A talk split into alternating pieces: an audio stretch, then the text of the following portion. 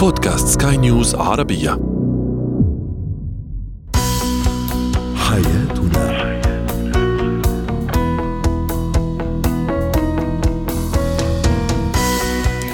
مستمعينا الكرام أهلا بكم معنا إلى حياتنا. فضاؤكم اليومي الذي يعنى بشؤون الأسرة وباقي الشؤون الحياتية الأخرى والذي يمكنكم الاستماع إليه عبر منصة Sky News Arabia dot com slash podcast وباقي منصات سكاي نيوز العربية الأخرى.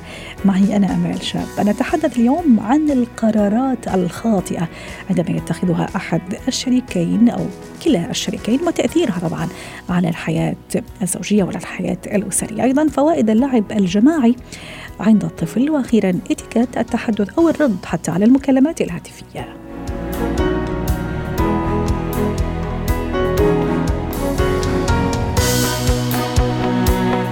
هو وهي.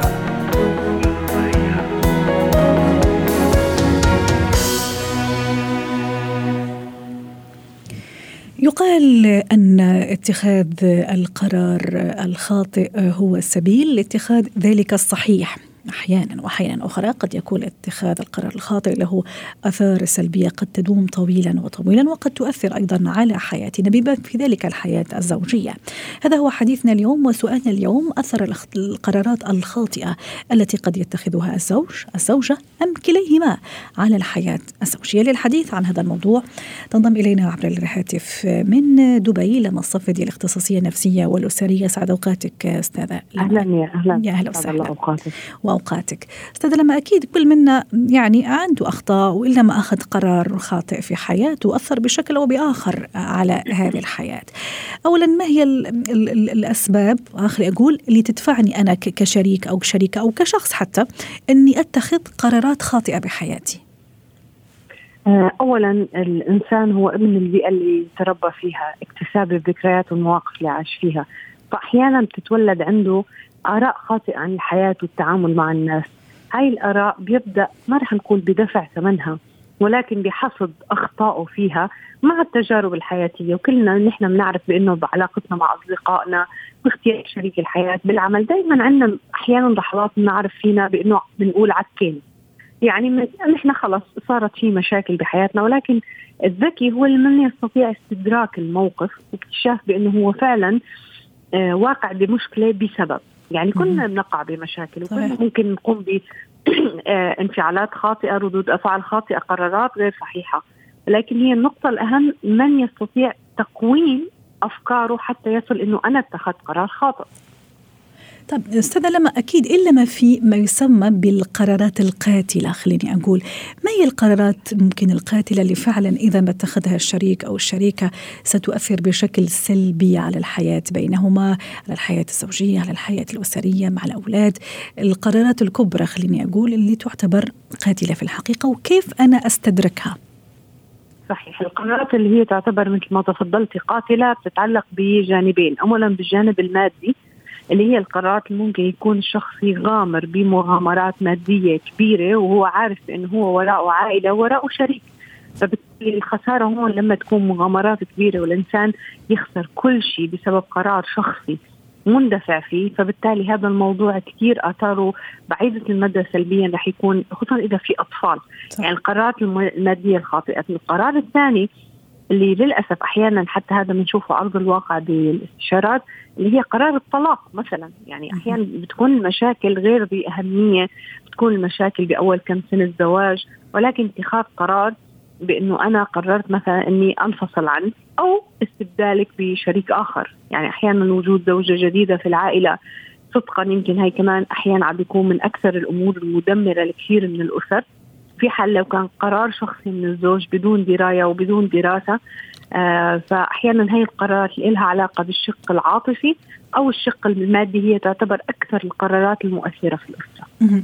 وأكيد النتائج ستكون سلبية أستاذة لما على المدى القريب وحتى أيضا على المدى البعيد.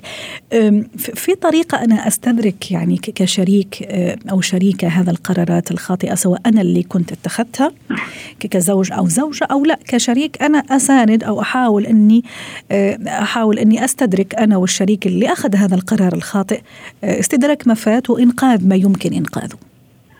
صحيح. اولا هون كمان نحن بنروح لجانبين. أنت بتعرفي في كثير من العلاقات الزوجية أحيانا ما بيكون في آراء مشتركة. صحيح يعني الواحد أحيانا ياخذ شريك القرار ب يعني لنفسه أو عفوا لوحده من غير ما يرجع للشريك ثم يعني تحصل المشكلة صحيح. فهون كثير الموضوع هون دائما تقع المشاكل عندما يكون القرار أحاد الجانب.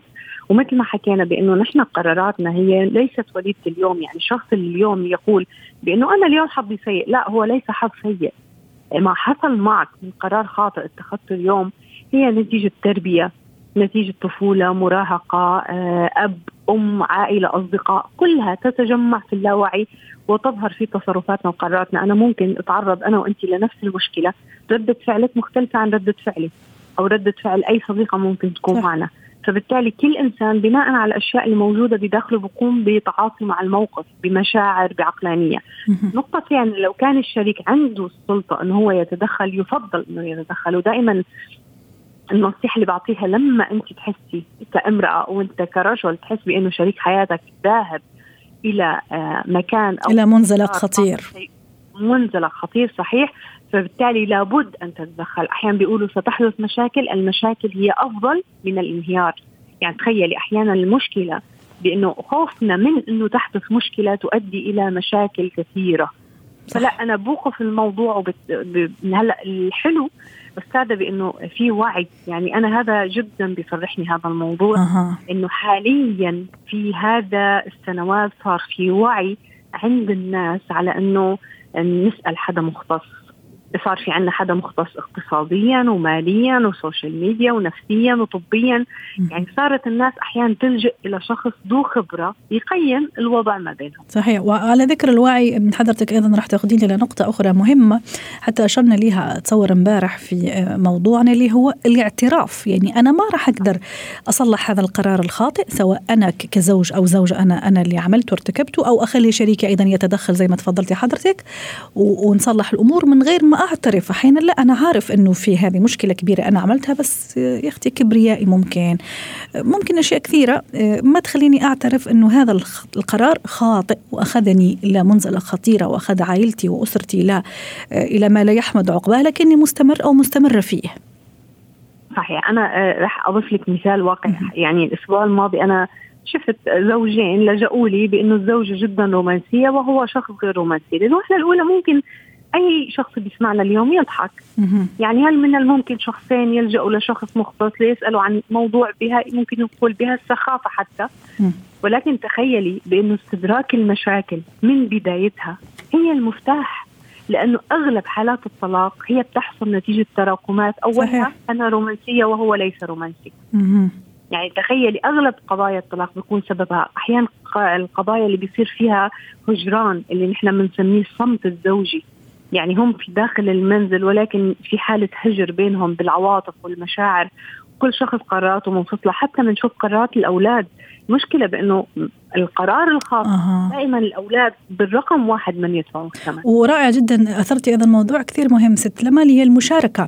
يعني أنا لما أعطي رايي والزوج يعطي رايه والأولاد يعطوا رأي يعني هذا أتصور كمان يخلينا أحيانا نتفادى زي ما قلنا في البدايه يعني الانزلاق اللي ممكن أثر كارثية لهذه القرارات الخاطئة اللي نحن دائما نحكي على القرارات الكبيرة يعني في حياة الأسرة. فحتى نختم معك هذا اللقاء ست لما إلى أي درجة أيضا المشاركة إني أشارك الأسرة أشارك الأولاد خاصة إذا كانوا كبار يعني واعيين وفاهمين وعارفين في القرارات الكبرى اللي أنا أتخذها كأب أو أم. آه اليوم رح ناخذها فرصة وكل حدا بيسمعنا بأنه دائما خلوا عندكم موضوع يطرح أمام العائلة وأمام الأطفال. استمعوا إلى آرائهم. صدقا لو كل شخص جرب اليوم يستمع إلى رأي أطفاله بمشكلة حصلت معه في العمل. م. يعني مجرد ما إنك ترجعي على البيت تقولي اليوم مثلا لا سمح الله أنا حصل معي مشكلة على الهواء تقنية مشكلة بضيف إلى آخره. واسمعي رأي حتى الأطفال. أحيانا في حكم ممكن نسمعها من أطفالنا مراهقينا بعدين إلى أي مدى لما نحن بنسمع رأي العيلة مدى في احترام بالموضوع الطفل لما يحس حاله انه محترم. إنه ماما بتسألني رأيي أو بابا إنه يشرك في في الموضوع يشرك في, في القرارات القرارات اللي تتخذها العائلة. شكرا لك يا أستاذة لما صفدي ضيفتنا العزيزة من دبي.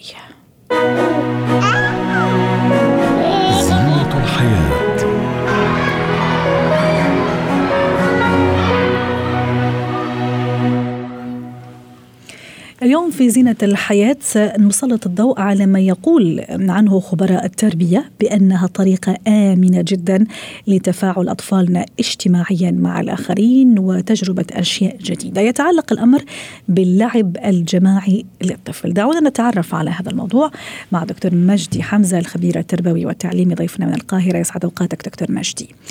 أهلا وسهلا. دكتور مجدي أحيانا في بعض أولياء الأمور وأمهات وأباء أحيانا ما يسمح لطفله يلعب مثلا مع مجموعة من الأطفال ممكن ماكسيموم ولد واحد وممكن لا يقول لك أنا أفضل إنه يلعب لوحده. يعني عنده عنده اسبابه وعنده اعذاره وعنده آه، يعني حججه. آه، إلى أي درجة نحن مخطئين كآباء وأمهات لما نخلي طفلي ينعزل لوحده يلعب بمفرده أو ممكن حتى مع أخوه أو ممكن مع ابن الجيران شخص واحد لا أكثر.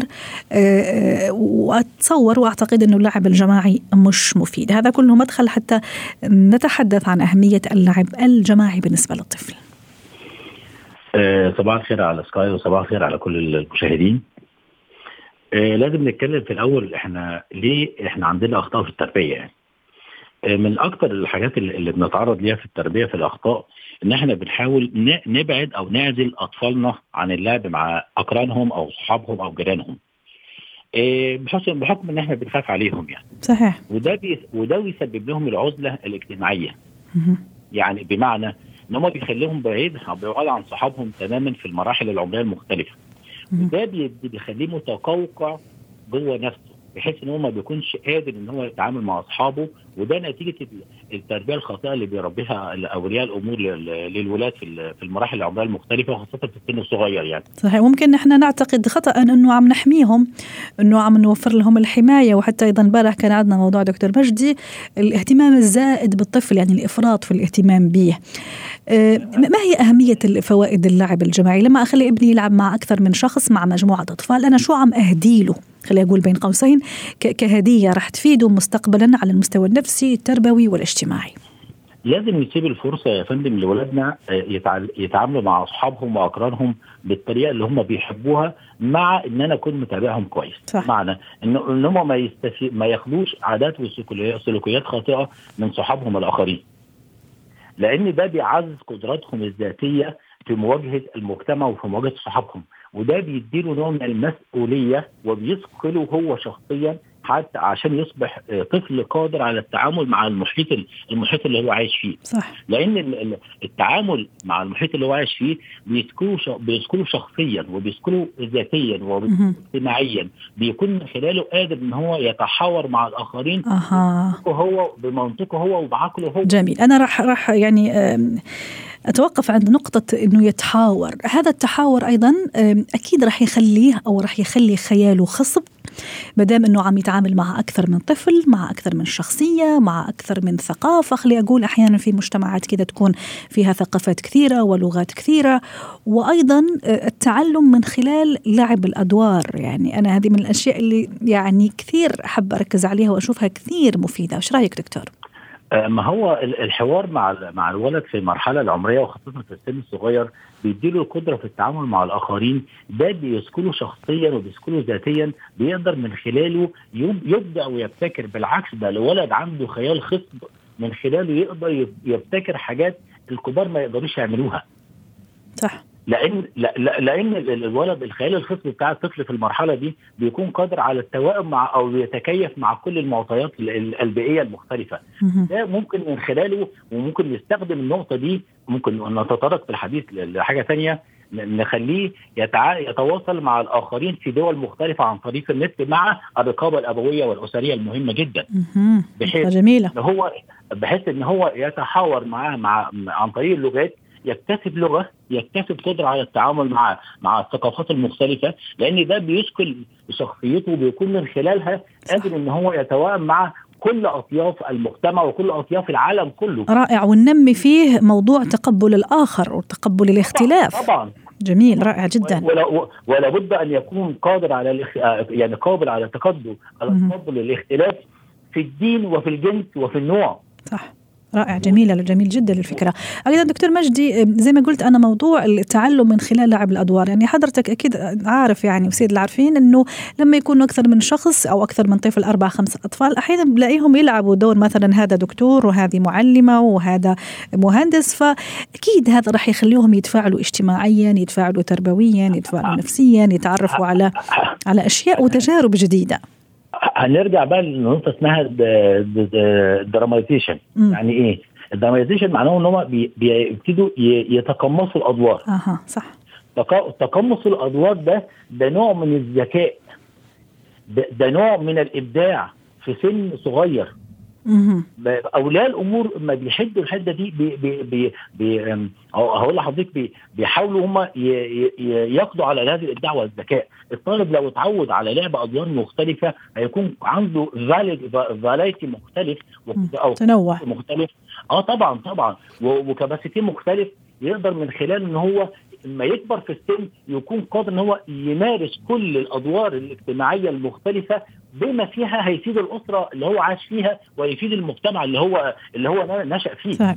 وغير كده أيضا تنمية الجانب العاطفي خليني أقول بمعنى أكيد راح يتفاعل ممكن راح يشوف زميله أو يعني طفل من أصحابه ممكن تعب مرض إلا ما راح يتفاعل معه إلا ما الجانب العاطفي يشتغل عنده إلا ما الجانب الوجداني خلي أقول أيضا يشتغل عنده فأتصور هذه نقطة كثير مهمة دكتور مجدي. ما هو أنا قلت لحضرتك من شوية هيبقى يكون عنده القدرة على التفاهم في تقبل الآخر كالدين والجنس والنوع والاختلاف والثقافة. يعني لا إحنا ممكن ننمي فيه القدرة العاطفية كمان أو اللمسة العاطفية. صحيح. ممكن, ممكن نسمعه شوية مزيكا على فكرة عشان نرتقي بمزاجه. صح. وأنا راح أضيف في كل هذه الأشياء المفيدة اللي حضرتك عم تذكرها دكتور مجدي موضوع النشاط البدني. أكيد لما يكون الولد يلعب لوحده غير تماما لما يكون يلعب مع أكثر من طفل. طفلين ثلاثة أربعة يعني القفز النط الألعاب الرياضية الجري كرة القدم يعني يسمح لنفسه أنه ينطلق يعني يعني ينطلق بحرية كبيرة. فتصور النشاط البدني وكمية الحركة اللي عم يعملها وقديش مفيدة هذه بالنسبة للطفل. حضرتك بتتكلمي في نقطة في منتهى الأهمية بمعنى أن الطالب بيبقى عنده غيرة وحماس عادي يبقى أحسن واحد. صحيح. بحيث إن هو لو عند لو لو صاحبه أحسن منه بحاجه لا هو عنده القدرة إن هو يبقى زيه وأحسن منه كمان. ليه إحنا ما نحاولش ندفعه لقدام ونكون سبورت ليه؟ بحيث إن هو يكون قادر إن هو يدخل في المنافسة. بس تكون المنافسة منافسة شريفة. واضح. منافسة تتحول إلى عداء. واضح واضح. شكرا لك دكتور مجدي حمزة الخبير التربوي والتعليمي ضيفنا من القاهرة. اتكات.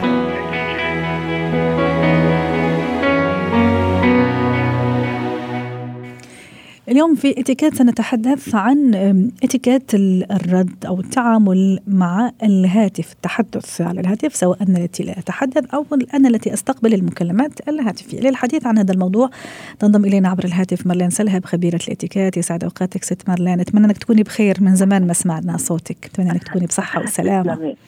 أهلا وسهلا. ست مرلين اليوم راح نحكي على الهاتف. إذا كانت الأرقام خاطئة مثلا الفرق بين محادثات العمل ومحادثات المنزل الأسئلة ممكن اللي أنا أوجهها لما أوجهها عفوا لما أتصل بأي شخص. خليني مثلا أبتدي بأرقام الهاتف الخاطئة. أحيانا أنا أتلقى مكالمة هاتفية من شخص أو من رقم خاطئ مثلا. أنا كيف أتصرف إذا تلقيت هذه المكالمة؟ أو أنا التي أخطأت في الرقم؟ نعم. اولا بدي أقول شغلي إنه الإتيكيت ما بتجبرني ابدا جاوب على أشخاص أم أرقام أنا ما بعرفها. بس حضرتك عم بتقولي إذا أنا التقي إذا أنا تلقيت مكالمة من شخص هو ملخبط يمكن بال آه بالرقم. آه بدي يكون اولا آه على طول على طول على طول بكل الأحوال الأسلوب تبعي مفروض دائما يكون راقي. هيدا لأنه التليفون صار نحن حضرتك بتعرفي نحن بالموجة اللي عم نقطع فيها بالعالم أجمع صرنا عم نستعمل التليفون أكثر ما عم عم نشوف بعض.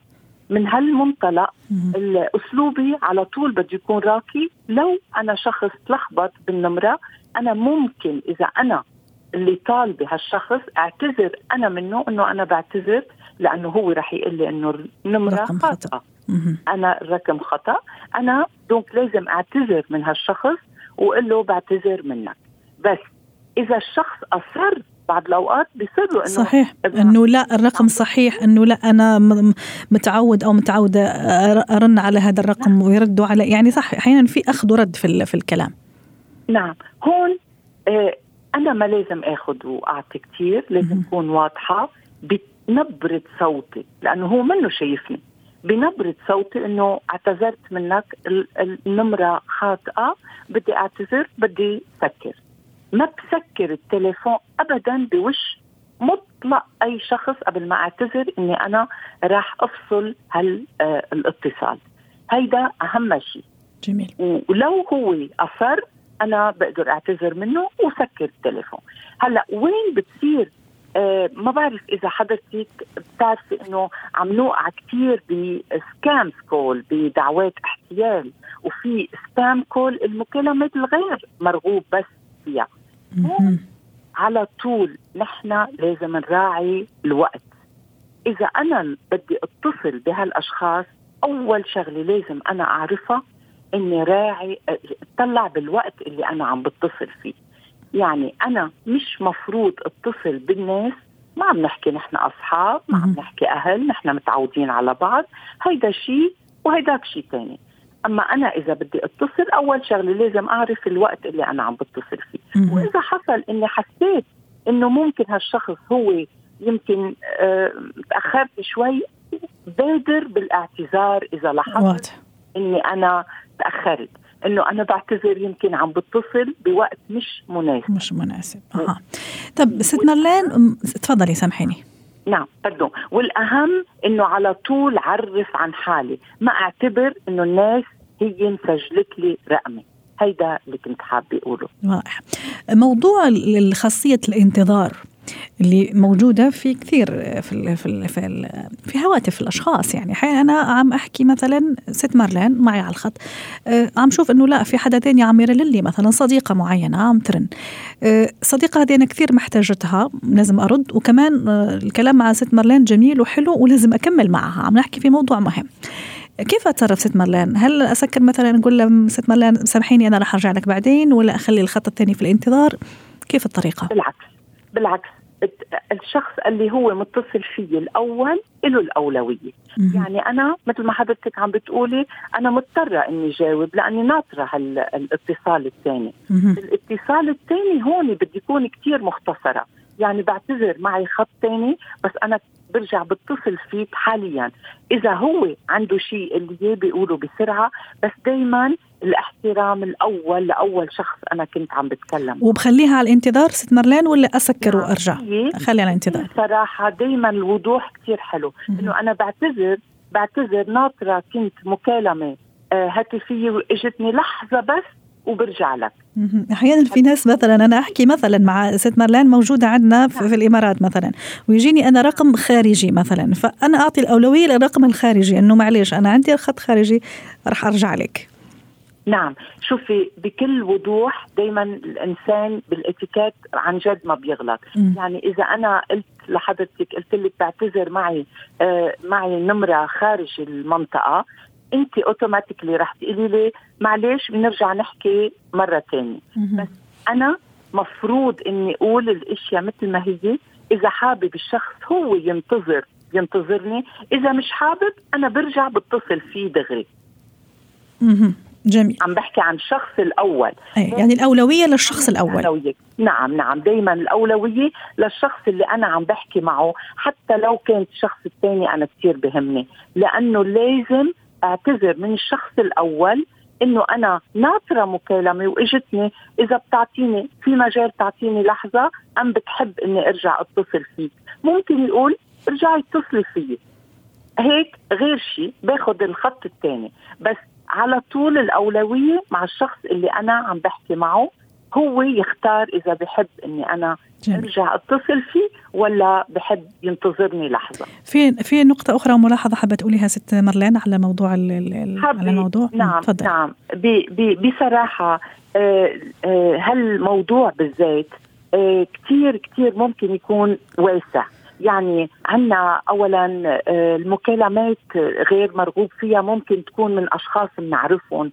لازم نتعامل بطريقة وممكن تكون من أشخاص ما بنعرفهم نتعامل بغير قواعد لأنه بعض الأوقات بتلاحظي إنه في كثير private number هدول جماعة أنا فيي ما جاوبهم بكل يعني any time في ما جاوبهم. والأشخاص اللي تعمل لي مثلا missed call ست مارلين مثلا. وتنطر إني أنا أرجع أكلمها يعني كيف كيف الوضع معاهم هدول اولا فيديو كول ما فيني قلة إنه أكيد ما باخده حتى لو بده يكون بعتذر منك حتى لو بده يكون من اعز صاحبي. بجوز أنا ما بحب بين إني أنا مثلا مني مرتبة بعد شعري. في كثير ناس ما بتحب في ناس ما, ما بتحب تظهر حالها. الفيديو كول حتى بين الأصحاب إلا ما يكونوا تعودوا كثير على بعض. هيدا غير شيء. بس بين الأصحاب ال video call فينا ما ناخده. أنا بتذكر حتى لما كنا عم نعمل training نحن أنت بتعرفي حضرتك إنه هلأ صار كل شيء عن technology بتذكر إنه حتى بالاتيكيت ضمن النطاق إنه حتى لو بده يجي video call من أختك وأنت مش حابة تبيني بمظهر مش لائق ممكن أنت تكوني مريضة. ممكن أنت ما بدك تعتلي هم لأمك كيف منظرك كيف أنت شكلك. يعني حصلت عدة مرات. فينا ما ناخذ ابدا video call. وإذا أنا حابة إني اشوفك بحكيكي بقول لك بقدر أبعث لك فيديو كول. شكرا لك شكرا لك ست مارلين سلهب. ونحن كمان بدنا نشوفك في الحقيقة إن شاء الله تيجي فرصة ونشوفك عندنا. شكرا لك ست مارلين سلهب. خبيرة الاتيكيت ضيفتنا من بيروت. حياتنا.